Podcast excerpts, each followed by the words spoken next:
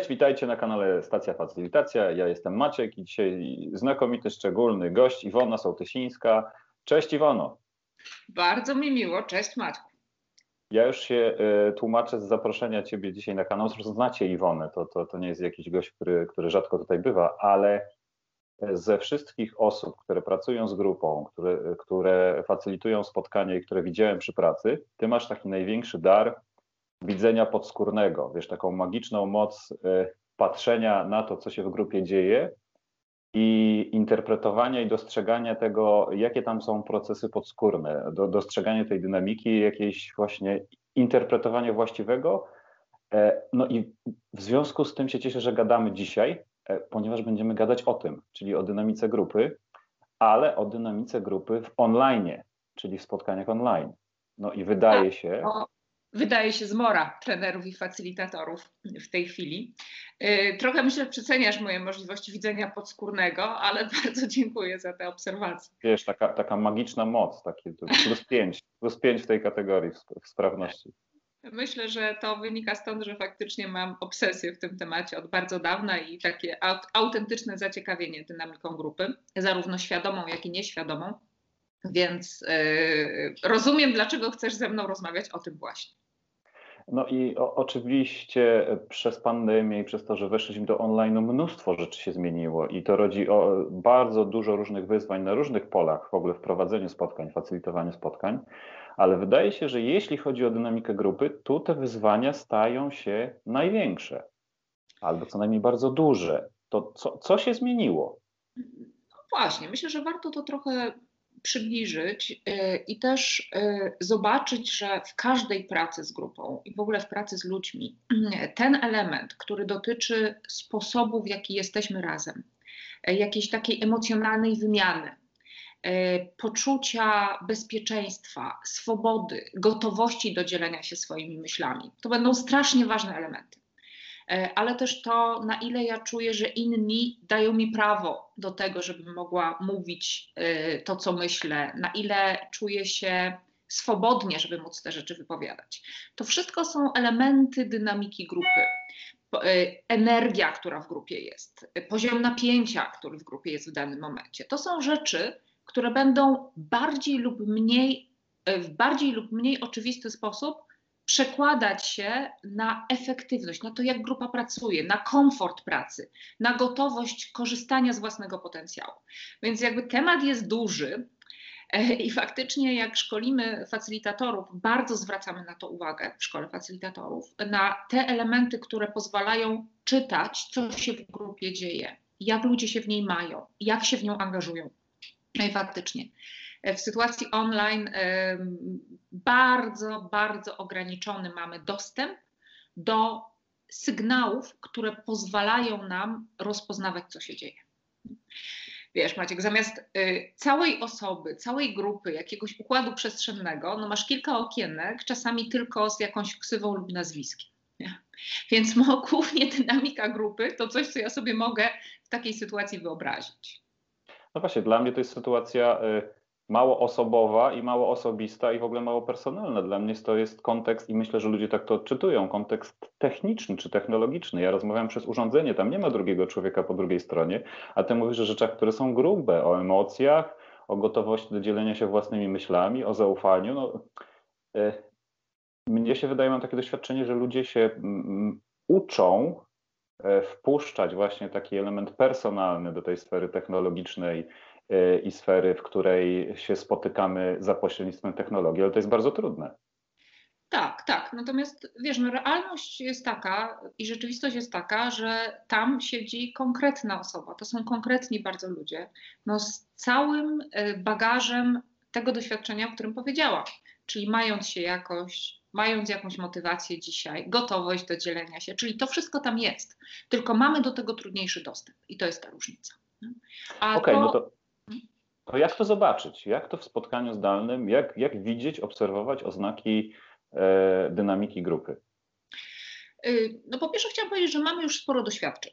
To jest tak, że za nami prawie rok, niecały, ale zanosi się, że będzie więcej, e, znacznie większej intensywności pracy online, albo można powiedzieć, że czasami wyłącznie pracy online. Więc uczymy się różnych rzeczy, rozumiemy coraz lepiej te zjawiska. Taka, taka najprostsza rzecz, która wydaje się intuicyjna, no to to, że no znacznie łatwiej, gdy jest włączona kamera, niż gdy nie jest włączona kamera. To jest taka, taka pierwsza istotna rzecz. Ale nawet tutaj e, jest tak, że sygnały, które czytamy, mogą być bardzo mylące. E, są takie bardzo interesujące niemieckie badania jeszcze sprzed czasów pandemii dotyczące mm, pracy zdalnej. Mm, badacze opisali to zjawisko jako Zoom fatigue syndrome. E, takie zjawisko, które czemu, mówi... Ciekawe, czemu tak nazwali. Myślę sobie, że e, prawie każdy z nas, a jeśli nie wszyscy, mamy to w doświadczeniu, czyli takie poczucie, o Boże, jeszcze jedna zumowa rozmowa i, i po prostu nie wytrzyma. Nie? Czyli, że faktycznie to przeciążenie, to poczucie, że zupełnie inaczej wykorzystujemy swoje mm, poznawcze zasoby w pracy zdalnej. Znacznie więcej rzeczy dzieje się w naszym umyśle. Podam przykład. W tych badaniach pokazano bardzo wyraźnie, że nawet najmniejsze opóźnienie y, w takim przesyłaniu sygnału ma znaczenie w takim subtelnym odczytywaniu sygnałów przez ludzi. Czyli jeśli dociera do mnie odrobinę później Twoja odpowiedź, to to powoduje, że ja, że spada mój poziom zaufania i rośnie poczucie niepewności, zagrożenia w odniesieniu do drugiej osoby. Trudniej mi zaufać drugiej osobie, ponieważ coś jest nie tak w komunikacji. I zobacz, że my cały czas musimy jak gdyby zaprzeczać temu, prawda? Czyli cały czas ja muszę, pomimo tego, że coś się dzieje, nie do końca widzę, jak osoba na mnie reaguje, jak y, ja nie jestem pewna, czy to, co powiedziałam, zostało zrozumiane i usłyszane, ja cały czas muszę tutaj czynić założenia i jakiś proces, który pozwala mi e, to weryfikować. Więc jak gdyby nasze defaultowe systemy przestały być pomocne w rozumieniu tego, co się dzieje. E, więc w tym sensie e, cała też różnica związana z kontekstem, prawda? To jest tak, że w tym momencie w okienkach dzielą, dzieją się zarówno moje rzeczy prywatne, państwowe, organizacyjne, zawodowe, prawda? Wszystko się dzieje w okienkach. Więc nie jest tak, że ja wychodzę na szkolenie, ubieram, nie wiem, żakiet, czy co tam kto ubiera wychodząc na szkolenie i przychodzę i jestem w roli, yy, albo idę poprowadzić jakieś zajęcia i, i jestem w roli. Tylko to jest tak, że ta rola musi jakoś yy, zostać zbudowana innymi sposobami. No i to jest bardzo duże obciążenie. Mhm. E, czy coś się wydarza w online, jeśli chodzi o tą dynamikę grupy? Bo mówimy o tym, czego nam brakuje, tak? Że ojejku, nie ma kontekstu, nie jesteśmy w roli, nie ma dostępu do tej takiej fizyczności czy, e, czy kontaktu z drugim człowiekiem, nie widzimy go całego, ale e, czy coś jest, co ma charakter pozytywny w tym online? Jak gdy ja miałabym powiedzieć o takich moich doświadczeniach struktur i momentów pracy online, które mm, faktycznie dawały mnie i mam wrażenie też innym osobom, z którymi byłam, takie poczucie bliższego kontaktu, myślę, że one bardzo były związane z pewną pewnym ułatwieniem zaproponowanym przez y, osoby prowadzące lub organizujące spotkanie, na przykład spotkaniem w nieco mniejszym gronie i takim, gdzie można wymienić myśli. Też moje, doświadczenie jest takie, że w tych, że w tych mniejszych pokojach łatwiej jest powiedzieć o rzeczach, które na przykład nie wiem, są trudne, które mi nie pasują. Nie? Czyli to jest, to jest, wydaje mi się, że ta różnica polega na tym, że w sposób znacznie bardziej y, wyrazisty, bardziej explicite, musimy zapraszać do nazywania i mówienia o pewnych rzeczach. Czyli takie rzeczy, które kiedyś działy się subtelnie, działy się dzięki temu, że ja zauważyłam na przykład, że ktoś marszczy brwi, albo wycofuje się, albo od dłuższego czasu znacznie mniej aktywnie uczestniczy, e, trudno jest teraz zaobserwować i musimy je zastąpić znacznie większą świadomością tego, co może być ważne. Ja, czyli powiedziałabym tak prosto, najprościej, że rośnie znaczenie mojego rozumienia tych procesów i e, sprawdzania ich subtelnych przejawów. Poprzez pytanie ludzi, poprzez stwarzanie sytuacji, kiedy oni będą mogli o tym rozmawiać. Wiem, że zapytałeś, co dobrego się stało, chcę powiedzieć, że jesteśmy tak głodni kontaktu, takiego zwykłego interpersonalnego kontaktu, pewnie też y, kontaktu face to face, że jeśli już ludzie są w troszkę mniejszych grupach, jeśli ta rozmowa ma szansę być trochę głębsza, to ludzie z tego korzystają. I to mi się wydaje taką, taką rzeczą. No ale dobrze, ale na, na, spotkaniu takim stacjonarnym, realnym, ludzie też pracowali w mniejszych grupach. Dlaczego tutaj jest jakaś wartość dodana? Wiesz, myślę, że wcześniej ta, myślę, że inaczej ceniona jest ta praca. Wiesz, wydaje mi się, że to, co nam teraz robią y, małe grupy, nazwijmy to online'owe, to kiedyś działo się trochę w rozmowie, w przerwie, przy kawie, w takich, wiesz, w takiej wymianie myśli, ach, kurde, zmęczona jestem, prawda? I myślę sobie, że stwarzanie ludziom takich sytuacji, y, takie mm, y, zapraszanie do takich momentów, gdzie można trochę wypuścić z siebie napięcia związanego z tą sytuacją, to, to y, y, uczynione świadomie przez, przez facylitatora, przez trenera, y, to jest kwestia zmiany trochę naszej optyki, nie przełożenia jeden do jeden różnego rodzaju aktywności, które proponowaliśmy, by budować poczucie bezpieczeństwa i bliskości i zaufania w grupie, tylko pomyślenie, jak w, nowej, w nowych warunkach jak to ludziom zapewnić, no i też, co tu dużo gadać, eksperymentowanie z tym. Mhm. E, to poruszamy się wokół różnych pytań. E, tam pytałem, jak to obserwować. Ty powiedziałaś właściwie o dwóch rzeczach. Jedno, no to ta kamera jest przydatna, ale niezależnie jak duży monitor i jak dobrej rozdzielczości mieć go można, to te dane dopływają z opóźnieniem i jakby nie widzimy człowieka w całości. To jest przydatne, ale niewystarczające. Ty powiedziałeś o pytaniu, żeby pytać ludzi i, i, potwierdzać swoje interpretacje ich zachowania. Czy coś jeszcze? W jaki sposób w tym, w tym środowisku zdalnym można rozpoznawać, co się dzieje, jeśli chodzi o dynamikę grupy? No, tak jak powiedziałam, trudne to, bo y, od, odchodzi nam cała masa y, informacji i takich związanych z proksemiką, czyli z tym, gdzie kto się w przestrzeni znajduje, kto blisko kogo, y, takich związanych z, z elementami, z różnego rodzaju oznakami, czy statusu, czy, czy wpływu. Nie? To są rzeczy, które naprawdę zostały bardzo mocno zredukowane. Ja myślę sobie, że cały czas jakąś przestrzenią pozostaje obserwacja grupy i tutaj te kamery, które tak jak powiedziałam mają ograniczone znaczenie, ale myślę, że w samej, no pro, prosty eksperyment myślowy. Nie? Wyobraźmy sobie, że mamy grupę 12-osobową, e, Miałam taką sytuację niedawno, to były zajęcia akademickie, ale sytuacja, słuchajcie, słuchaj, że e, jest e, 12 osób, z czego 10 ma wyłączoną kamerę, pomimo moich próśb y, takich, żeby, żeby nawet na chwilę osoby się włączyły, tylko dwie są w jakimś dialogu. Czasami pozostałe osoby się jakoś tam włączają. I jestem przekonana, i to nie, ja mogę sobie pomyśleć, że to ma coś wspólnego ze mną, ale myślę, że przede wszystkim ma coś wspólnego jakby no z kulturą organizacji, prawda? Czyli z tym, że no tak się, tak się utarło, tak się dzieje, to są zajęcia, każdy robi sobie to troszeczkę w swoim rytmie. Zauważyłam też coś takiego, że to, to też jest związane z softwarem. Na przykład na Zoomie jest znacznie większe prawdopodobieństwo, częściej spotykam się z tym, że kamery są włączone, niż na Teamsach. To są Ciekawe takie... czemu.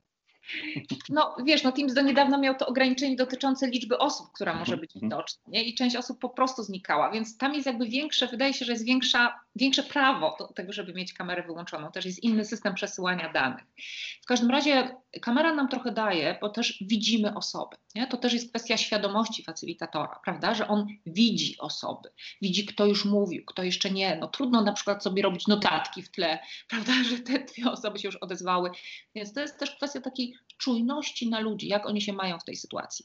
Więc y, ja myślę, że jestem daleka od zmuszania ludzi do włączania kamer, ale myślę, że to, co bardzo tutaj pomaga, to takie dobre i świadome budowanie środowiska, y, nawet przed wydarzeniem, przed spotkaniem, przed warsztatem, czyli napisanie o różnych regułach. Wiem, że niektórzy facylitatorzy robią takie doświadczenie przygotowujące, czyli taką jakby próbę techniczną, która też pozwala się ludziom, tak, taką, gdzie prezentują podstawowe narzędzia, których będą używać, takie online'owe, pozwalają się ludziom z tym oswoić. To jest bardzo duży taki element zadbania, redukujący napięcie, ale też pozwalający widzieć, jakie są granice co jest ważne, dlaczego rzeczy są ważne. Ja to oczywiście nie zawsze pewnie można sobie na to pozwolić, ale ma to taki wpływ zaopiekowania się tą sytuacją. Moje doświadczenie mówi też, że takie bardzo klarowne powiedzenie ludziom o tym, y, co i dlaczego jest istotne, czyli dlaczego włączyć kamerę lub nie. Pozwolenie na takie momenty, kiedy kamera jest wyłączona. Ja, bo też nie, trzeba mhm. pamiętać o tym, że to jest hmm, kamera daje nam różne możliwości, ale też mm, znowu odniosę się do tych niemieckich badań. Tam jest tak, że ten fakt bycia w kontakcie z, z, własnym wizerunkiem, czyli z tym, że ja cały czas widzę siebie, to znowu jest ogromny kawał obciążenia. To jest ciekawe, no tak. Przecież nie ma tego na sali. Nie, czyli ja cały czas jestem świadoma i swojej ekspresji, i tego, w jaki sposób e, e, mogę mieć różnego rodzaju refleksje na temat tego, jak ja oto w tym momencie, czy, czy powinnam bardziej ekspresyjnie, czy mniej ekspresyjnie się wypowiadać, e, bardziej lub mniej krytyczne refleksje na ten temat. Więc to jest coś, co obciąża nasze zasoby i odciąga też uwagę od grupy. E, wiem, że na przykład psychoterapeuci e, rezygnują z, te, z, te, z tej opcji e, jakby obserwacji własnego wizerunku, no właśnie dlatego, by uwaga mogła być mocniej skierowana na uczestników. Więc myślę sobie, że te rzeczy muszą być znacznie bardziej wyciągnięte do naszej świadomości, analizowane i projektowane w sposób bardziej zamierzony, dlatego że nasze intuicyjne narzędzia no, są tutaj zawodne. Już nam nie W naszej świadomości mówisz o świadomości facylitatora, który to projektuje, ale też świadomości uczestnika, że trzeba im pokazywać kontekst pewnych, pewnych rzeczy i, i e, tłumaczyć, z czego wynika na przykład oczekiwanie kamery, czy różne inne rzeczy, których potrzebujemy? Y, wiesz, myślę, że powiedziałabym, że przede wszystkim facylitatora, czyli że takie rzeczy, które można było powiedzieć y, kiedyś wynikały z mojej mm, no, no wiesz, to jest tak, że ja nie mówię sobie uśmiechnąć się do grupy, prawda? Teraz uśmiechnę się do grupy. To jest coś, co robię naturalnie, widzę ludzie się uśmiechnie. I w tym momencie, jeśli mam... Uwaga, a teraz się do was uśmiecham. Właśnie, nie? czyli że popatrz, jakie to jest nienaturalne, a trochę tak jest. Ja muszę być, okej, okay, dobra, to jak ja w tej konkretnej sytuacji zadbam o poczucie bezpieczeństwa, to jak ja zadbam o zaufanie, to jak ja zadbam o to, żeby ludzie e, byli gotowi rozmawiać, to jak zadbam o to, żeby ktoś, kto się niepokoi technologią, nie? Czyli, czyli jakoś mm, takie myślenie o kontekście i o sytuacji musi być znacznie bardziej e, rozbudowane i rozumienie jakby co tam się dzieje.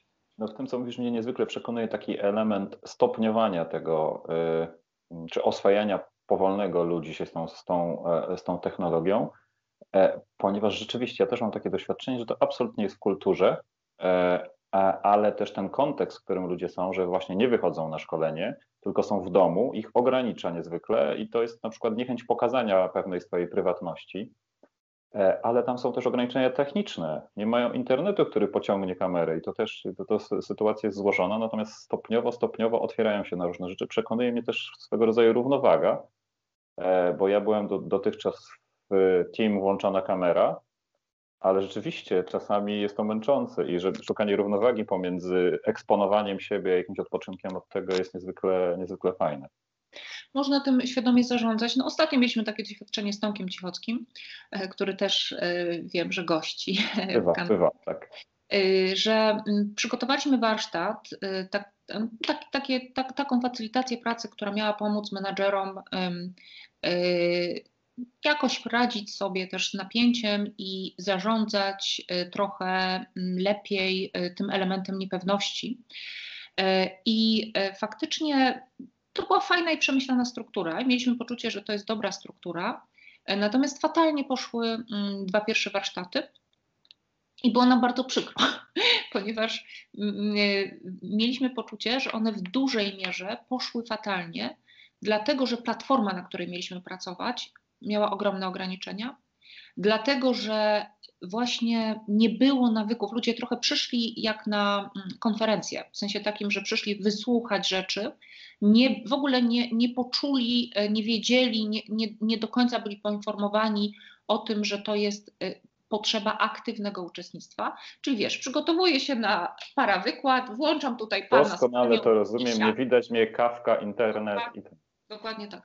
E, I gdy popracowaliśmy z bardzo też współpracującym zespołem HR nad poinformowaniem, też to były personalne telefony do nich mówiące im o znaczeniu tego, to ich obecności i ich zaangażowania, dlatego że oni też wypracowywali tam dobre praktyki, dzielili się nimi, przygotowali, przygotowywali coś dla innych, to wiesz, no okazało się, że te bez cienia zmiany programu, te kolejne warsztaty miały zupełnie inną jakość i zupełnie inne rezultaty.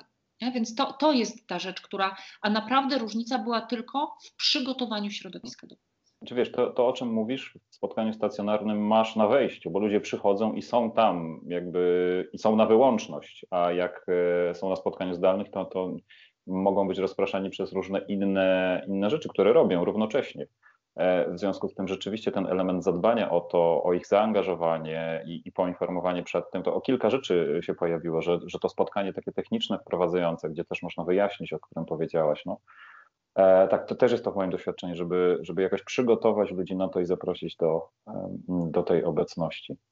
E, no dobrze, tak, bo widzę, bo właśnie kamerę mamy włączoną, więc widzę, że chcesz coś powiedzieć. E, wiesz, no bo pomyślałam sobie też o takich sytuacjach, mm, do których dość trudno jest mieć dostęp. To akurat jest sytuacja szkoleniowa, którą mam w głowie, ale powiem o niej, bo myślę sobie, że ona równie dobrze E, mogłaby się wydarzyć e, w sytuacji facylitacyjnej, kiedy pojawiają się jakieś trudności i napięcia dotyczące osoby prowadzącej albo dotyczące, mm, dotyczące samego warsztatu, dotyczące przebiegu. E, I też pamiętam taką sytuację, ona była dla mnie bardzo trudna. To była chyba jedna z pierwszych takich, oprócz takich sytuacji właśnie bierności, zaangażowania, wiesz, tego z czym się zmagamy na co dzień, jeśli chodzi o pracę online. Ale to była taka sytuacja, kiedy pojawiło się autentycznie dużo trudnych emocji Y, I nie bardzo było wiadomo, jak w ogóle nimi, po pierwsze nie było wiadomo, że są. Tak, ponieważ sytuacja była trudna, ja jakoś z nimi omówiłam tą sytuację y, i wydawała się omówiona. Ja to, jest, to jest bardzo ciekawe, że w, w sali, jeśli taka sytuacja miałabym poczucie, że pozostały niedomówienia, to ja bym to czuła lub wiedziała, lub widziała sygnały tego, że pozostały te niedomówienia.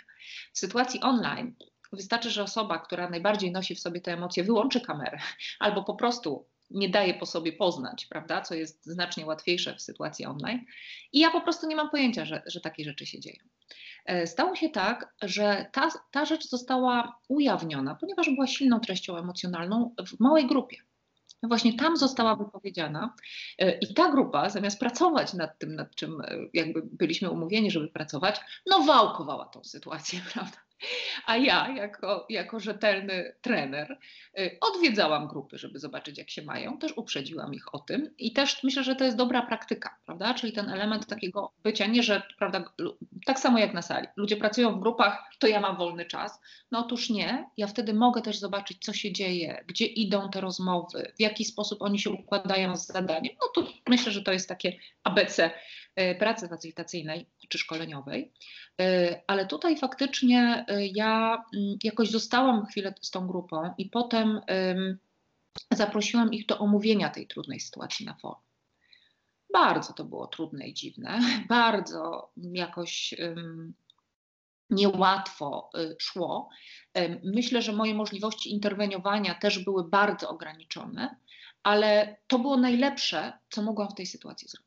Nie? To, znaczy nie wyobrażałam sobie, że, że po prostu zostawię tą sytuację tak, dlatego że ona ym, no, no miała znaczenie dla całej grupy. Nie? Czyli, mhm. czyli też, też w takim porządku takie myślenie o grupie jako całości, nie? że ta osoba czy te osoby no trochę przepracowywały to w imieniu całego systemu.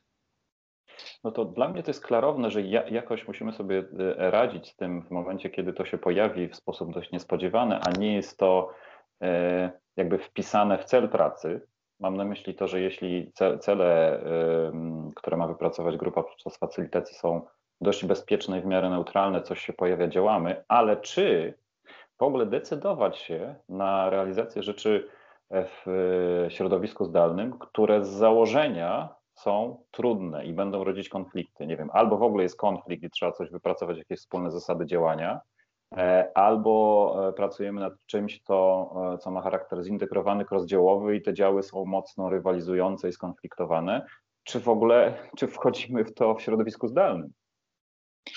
No, wiesz Maciek, można by było zapytać, co mamy w zamian, I to nie jakby zrzymając się na rzeczywistość, tylko można powiedzieć, że sytuacja jest taka, no albo tego nie robimy i wtedy sytuacja zaczyna żyć własnym życiem i e, no i tak jak normalnie w dynamice grupy, bardzo często to jest tak, że to będzie miało ogromne znaczenie dla efektów pracy. Czyli taki skonfliktowany dział, czy, czy, czy jakaś, no ale skonfliktowany dział, no rezultaty, które on jest w stanie wypracowywać, klimat, koszty emocjonalne tego, co tam się dzieje, no one nie będą maleć. Raczej będą rosnąć. Wydaje się, że będą rosnąć, tak. No, no właśnie. Um, powiem o takiej sytuacji, jeśli pozwolisz, bo, bo mam na świeżo taką sytuację. To była faktycznie sytuacja takiej, takiego, takiej, takiego trudnego, napięciowego momentu w niewielkim dziale. E, tam trudno było już wcześniej, przed pandemią, czyli pojawiały się jakieś symptomy trudności. Ale faktycznie, jak gdyby sytuacja pandemii spowodowała, że e, można powiedzieć, no właśnie w dynamice grupy, dynamika grupy wydarza się nie tylko w sytuacji szkoleniowej, tylko dzieje się na co dzień, nawet jak nie jesteśmy razem, że pewne osoby z pewnymi się nie kontaktowały, pewne osoby z pewnymi się kontaktowały. I wiesz, i można powiedzieć, że nakręcała się taka spirala rozdźwięku. zaplanowaliśmy warsztat e, i to, co postanowiliśmy, faktycznie decyzja była taka, że byłoby znacznie lepiej dla tej grupy i dla tej sytuacji, żeby to był warsztat face to face.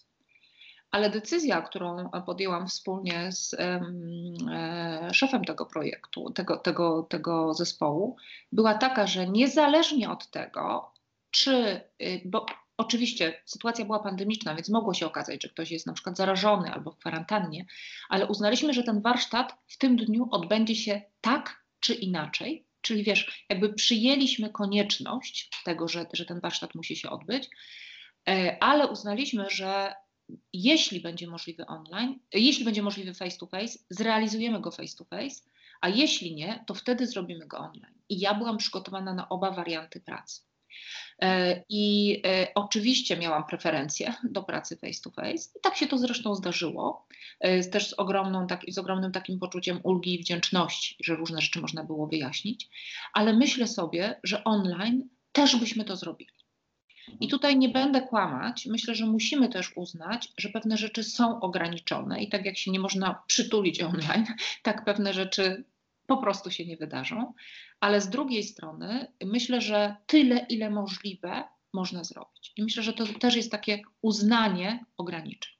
Znaczy to y, mnie sprowadza do takiej myśli, y, czy my mamy w tym momencie alternatywę, bo gdyby y, mm, ta forma pracy zdalnej mm, miała alternatywę realną w postaci pracy stacjonarnej, to można by rozważać, co jest lepsze i pewnie praca zdalna ma też, ma, ma też trochę zalet. Natomiast w tym momencie pojawia się pytanie, ile trzeba byłoby czekać, jak długo trzeba byłoby czekać, no i czy rzeczywiście mamy na to czekać?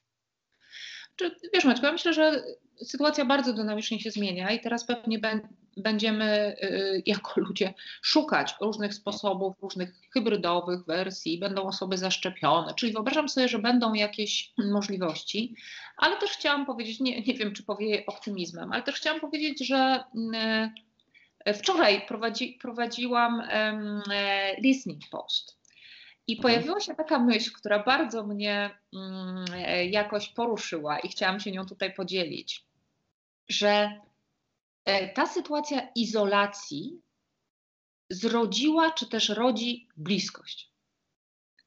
Ja wiem, że to jest, brzmi paradoksalnie, ponieważ wydaje się, że izolacja rodzi izolację, ale uczestnicy, niezwykle zresztą zaangażowani, którym jestem bardzo wdzięczna, dzielili się taką myślą, że udało im się właśnie poprzez tą sytuację przyłożyć szczególną wagę do pewnych relacji, pogłębić je, uzyskać taką jakość, jaka była niemożliwa.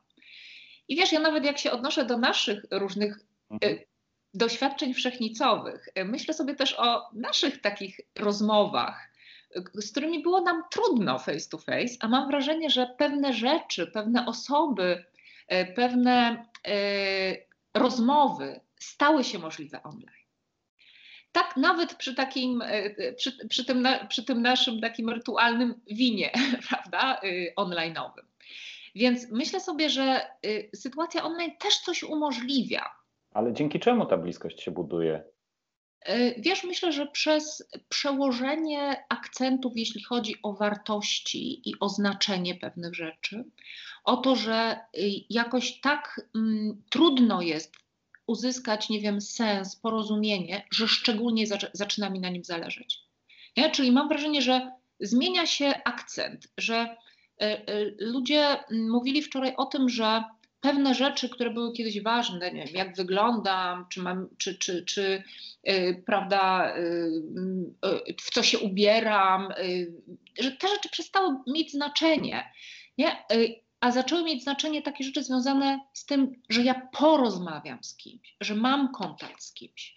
I zastanawiam się, jak my w naszej pracy facylitacyjnej, w pracy z ludźmi, możemy faktycznie silniej koncentrować się na tym, na czym nam naprawdę jako ludziom zależy.